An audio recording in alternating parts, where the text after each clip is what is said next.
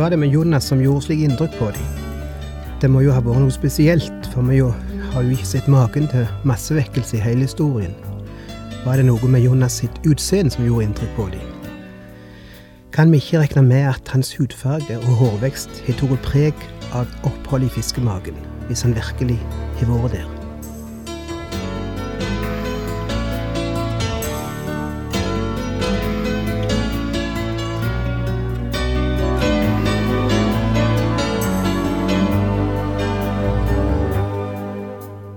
Velkommen til et nytt program i serien Vindu mot livet, basert på programserien Insight for living med Chuck.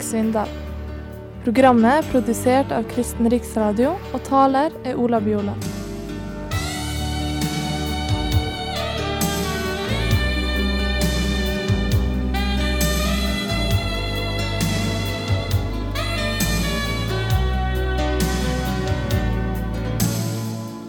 Vi kaller gjerne Jonas den springende profet. Alt det han gjør, ser det ut for, gjør han til gangs. Han er på farten, stadig springende. I kapittel 1 leser vi at han springer ifra Gud, på vei bort ifra Gud. Forlater heimplassen og legger ut mot Tarsis. På vei mot, Sava, eh, mot Spania, vestover. Gud har sagt gå østover, men han drar vestover. Gud har sagt reis til Nenive, den store byen i Asyria. Men Jonas sier nei, jeg vil ikke til Ninive. Og så springer han i motsatt retning, mot vest. Minner meg om vår kjære misjonær Melene Opstad, som fortalte på bedehuset om kallet hun fikk til å reise til Kina som misjonær. Gud sa til meg at jeg skulle reise til Kina, men jeg svarte nei, det vil jeg slettes ikke.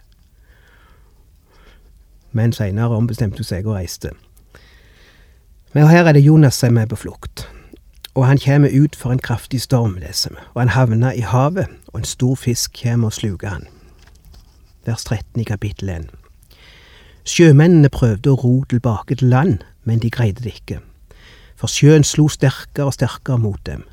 Da ropte de til Herren, Å Herre, la oss ikke gå under, fordi denne mannen skal dø, og la ikke uskyldig blod komme over oss, for du, Herre, har gjort som du vil.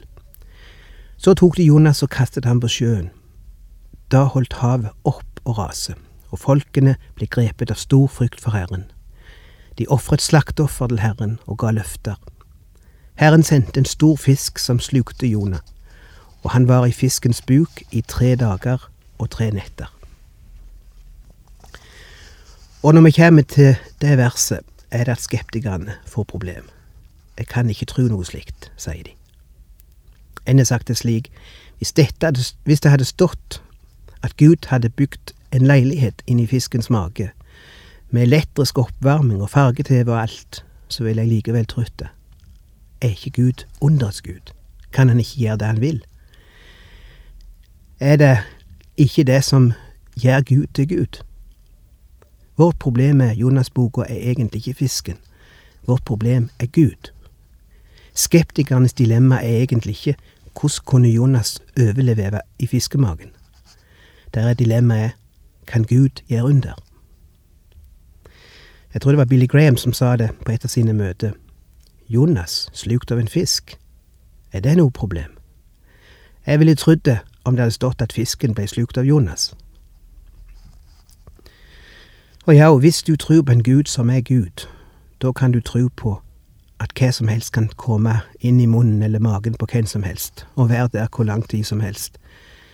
Og det at han blei slukt av en fisk, var egentlig ikke det egentlige under. Vet du hva som var det egentlige under? Det var at han overlevde i fiskens mage. At han kom tilbake til livet. Det er den delen av fortellingen Jesus sjøl bruker for å illustrere sin egen døde oppstandelse. Altså, i kapittel 1 springer Jonas ifra Gud. I kapittel to løp han til Gud. Vers to. Jonas ba til Herren sin Gud fra fiskens buk. Det er det merkeligste bønnemøtet som noen gang er holdt. Han har vært på flukt ifra Gud, og Gud har nådd han igjen og fått tak i han. Og etter tre døgn i en fiskemage begynner han å tenke, kanskje jeg skulle be over saken. Ja, vi kan smile men er det ikke akkurat det vi gjør alle sammen? Kunne vi ikke alle godt ha hatt skiltet hengende over dashbordet i bilen, som jeg har sett noen har, som sier når alt annet er prøvd, prøv Gud. Og det er det Jonas gjør nå. Det er vel ikke så mye annet å gjøre nå, og han begynner å be, og han sier, Jeg kalte på Herren i min nød, og han bønnhørte meg. Jeg ropte fra dødsrikets dyp. Dødsrikets skjød står det i den gamle oversettelsen. Det er et gammelt hebraisk ord som ble brukt om grava, faktisk. Jeg var i grava, sier Jonas. I den våte grav.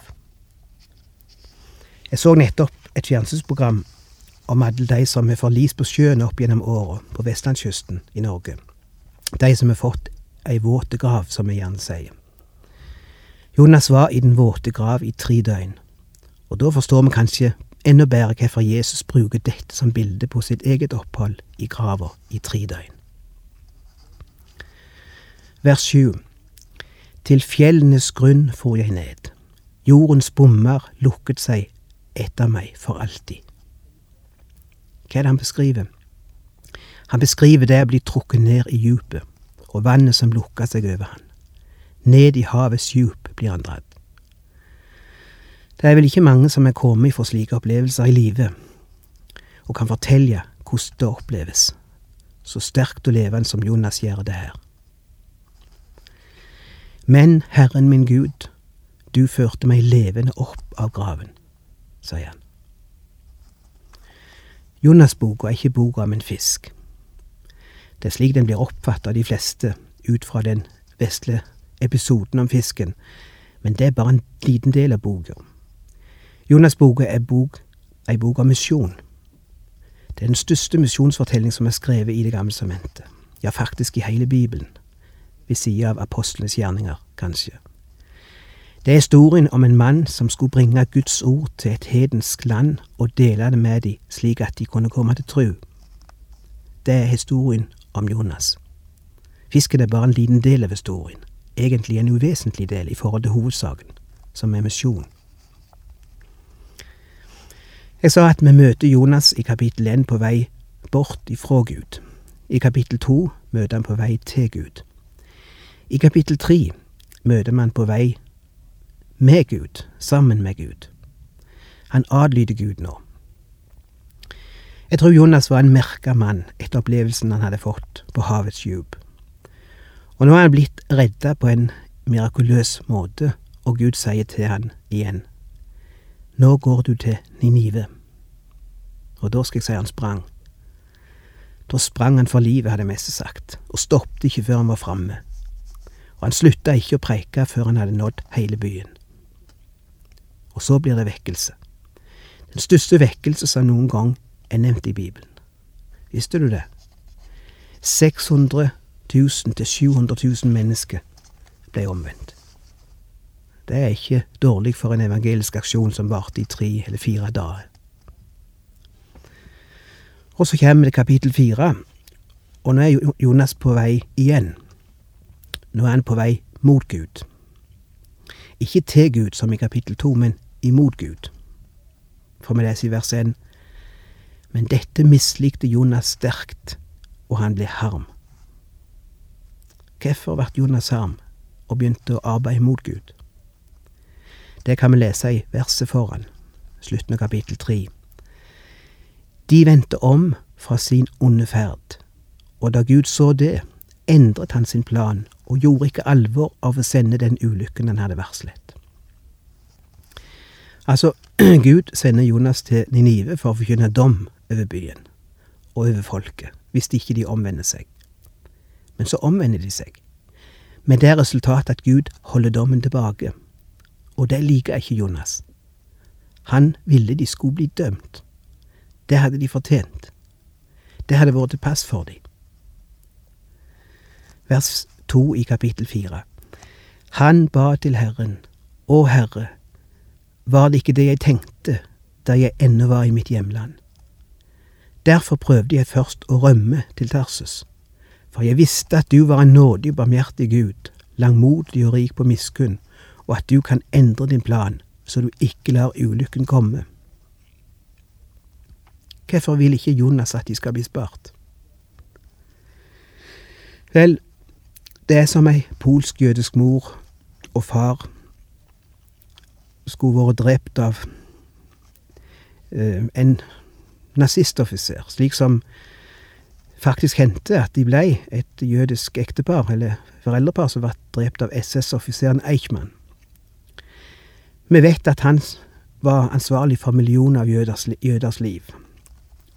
Han klarte å holde seg i skjul ei stund i Tyskland etter krigen, og seinere i Argentina, men ble i 1960 funnet av israelske etterretningsfolk og ført til Israel, der han ble dømt og hengt.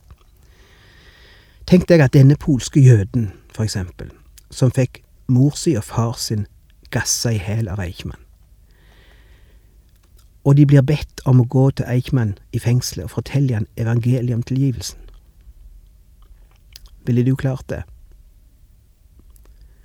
Sjølsagt er det umulig for deg å sette deg inn i det. Men det er en lignende situasjon. Time-magasinet hadde en artikkelserie om rettssaken imot Eichmann i 1960. Og der blei vist et bilde av en mann som var blant publikum under rettssaken. Og han reiste seg i retten og rakte to knyttnever i været og fortalte at han hadde mista sine foreldre i Eichmanns gasskammer. Og han ropte La meg få ta den mannen, eller la meg få ha den mannen for meg sjøl i ett minutt. Kun 60 sekunder. Og med et språk som ikke egnet seg å gjengi på radio, beskrev han hva han ville bruke de 60 sekundene til om han hadde hatt kloa i Eichmann.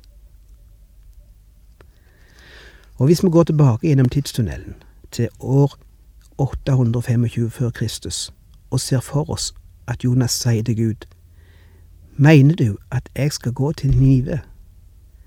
Mener du at jeg skal forkynne tilgivelse og utfrielse for det brutale, nådeløse, antisemittiske, gudløse folket der? Jeg vil ikke. Jeg flykta til Tarsus. Og når han til slutt lar seg overtale til å gjøre det likevel, og akkurat det skjer som han hadde frykta for, nemlig at folk omvender seg og får tilgivelse, da sprekker det igjen for Jonas. Dette er dog for enkelt. De har ikke engang smakt straffen for alt det gale de har gjort.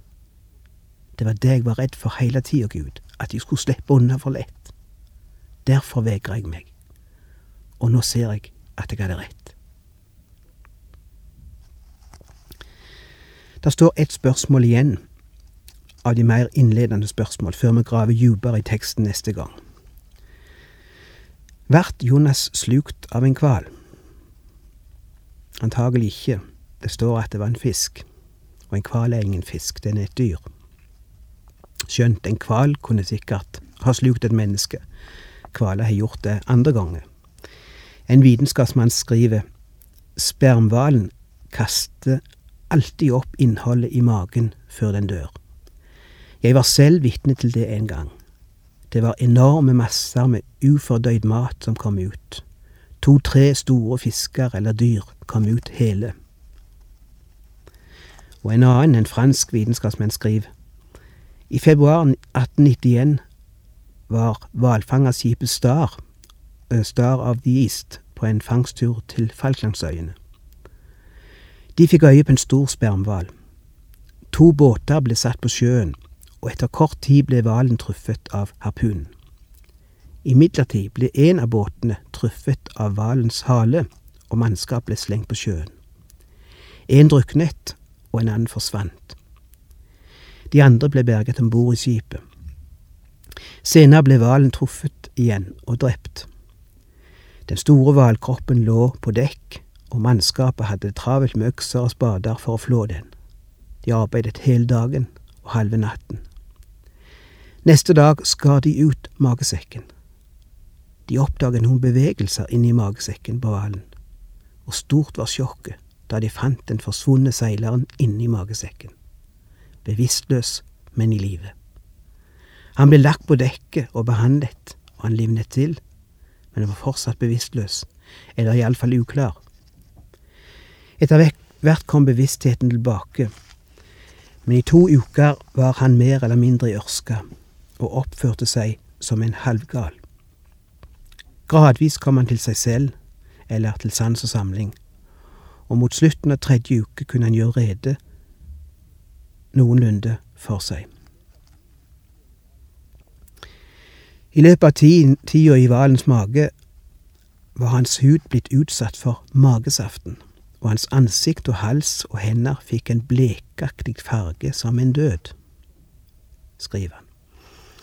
Og denne vitenskapsmannen sier at han antagelig ville ha levd i hvalens mage til han døde av sult, ikke på grunn av oksygenmangel, som vi gjerne kunne tenkt. Jeg har ikke greie på dette, og jeg vet ikke hvor mye lit en skal feste til slike historier, men her er det altså framstående vitenskapsmenn som diskuterer hvorvidt et menneske har mulighet for å overleve i magen på en hval. En annen skriver, og det er ingen ringere enn dr. Harry Rimmer, presidenten for Vitenskapsakademiet i Los Angeles gjennom mange år. Han beskriver et annet tilfelle. Det var en person som skulle være spist av en stor hai, den største haigruppen vi har. De har visst funnet slike heier opptil 17 meter lange i Middelhavet. Tennene deres er, lik tennene, er ikke lik tennene på en vanlig hei, som kutter opp og sager opp det den spiser. Men denne heien svelger byttet heilt. Og doktor Rimmer skriver der går en historie om en engelsk sjømann som ble slukt av en slik hei i Den engelske kanal. 48 timer etter ulykken ble heien fanget og drept. Mannen ble funnet inni haiens mage, bevisstløs, men i live. Han ble brakt til nærmeste hospital, der de ikke fant annen skade på ham enn sjokkskade. Han ble utskrevet bare få timer etter undersøkelsen, og ble selvfølgelig berømt for sin opplevelse, og ble utstilt på London museum, og det ble tatt inngangsbilletter for å se denne moderne Jonas som hadde overlevd i fiskens mage. I 1926 møtte dr. Rimmer denne mannen personlig, forteller han videre. Han sier hans utseende var noe merkelig. Han var fullstendig uten hårvekst på kroppen. Brune og gule flekker over hele huden. Vel, ikke ta dette for noe annet enn artige eksempler på hvor opptatt mange vitenskapsmenn har vært gjennom historien av spørsmål om Jonas-lignende hendelser. Egentlig er det ikke det at Jonas vart slukt av en fisk som er sjølve underet i disse kapitlene. Underet må heller være at han overlevde tre døgn i fiskens mage. Men siden vitenskapsmenn mener at det er, det er mulig, rent vitenskapelig, så er det vel heller ikke det som er det største under i fortellingen. Vet du hva som er det egentlige under? Det er at over en halv million mennesker ble frelst. Ikke at Jonas ble berga etter tre dager, men at 600 700 000 mennesker ble berga i løpet av tre dager. Det er et under. Ikke la noen skeptikere få ødelegge denne historien ved å krangle om bagateller. For å berge Jonas for drukning og for fiskens mage, det var egentlig en bagatell for Gud i forhold til å berge tre kvart millioner mennesker i byen Ninive i løpet av tre dager. Underet var at alle disse hundretusener av mennesker ble nådd med budskapet om håp og tilgivelse, og de tok imot det og ble berga ifra dommen. La oss en liten kommentar til dette forleden. Hør hva vedkommende sier. Hvordan kunne det skje at Jonas kunne gå til byen Ninive, et gudløst, hedensk folk, og de tok imot budskapet hans? Hvordan var det mulig? Hva var det med Jonas som gjorde så inntrykk på dem? Det må jo ha vært noe spesielt, for vi har jo ikke maken til massevekkelse i hele historien. Var det noe med Jonas' utseende som gjorde inntrykk på dem? Kan vi ikke regne med at hans hudfarge og hårvekst hadde tatt preg av oppholdet i fiskemagen, hvis han virkelig hadde vært der? At hudfargen i ansiktet og håret og på hodet og skjegget at alt var preget slik at han hadde en på, påfallende utseende. Så ut nesten som en skapning fra en annen klode. Og så kommer han inn i denne byen, og vi vet at spesielle fiskeguder ble dyrket i den antikke verden, særlig i Ninive. Der er funnet rester etter gudebilder som var halvt mennesker og halvt fisk. Og så dukker denne raringen opp i byen. Han lukter fortsatt fisk, og bærer alle merker på sin kropp etter å ha vært i fiskens mage. Ingenting ville være mer sannsynlig enn om han ble mottatt som en utsending fra Gud. Han ville bli mottatt av kongen, og dermed av folket, og hans budskap ville bli lyttet til som et budskap fra himmelen. Mon ikke dette kan være med å forklare, også rent vitenskapelig eller menneskelig, hvordan det kunne skje at en helt gjennom hedensk by på en så dramatisk måte og på så kort tid så reservasjonslaus tok imot Jonas' i budskap og ble frelst. Vel, vi vet ikke, vi kan bare spekulere. Iallfall må Gud ha brukt helt spesielle midler for å få et slikt unikt resultat. Og Guds veier er uransakelige. Det er vi hundrevis av eksempel på ifra misjonshistorien. Og kanskje han òg har brukt spesielle hendelser i ditt liv for å nå deg. Hvem av oss kan ikke vitne om at det var det og det som hendte som gjorde at jeg ga meg over til Gud, eller som gjorde at jeg ble fornya i mitt kall, eller som forandra kursen i livet mitt. Slik arbeider Gud. Noen av oss var på flukt bort ifra Han, som Jonas. Vi ville ikke inn i Guds plan og Guds vilje. Og så hendte merkelige ting i vårt liv som kom til å forandre kursen. Og i ettertid så vi det var Gud som regisserte det hele. Hvor underlig er du i alt hva du gjør. Hvem kan dine veier forstå? Men ett er dog sikkert, den vei du meg før, for meg er den beste å gå.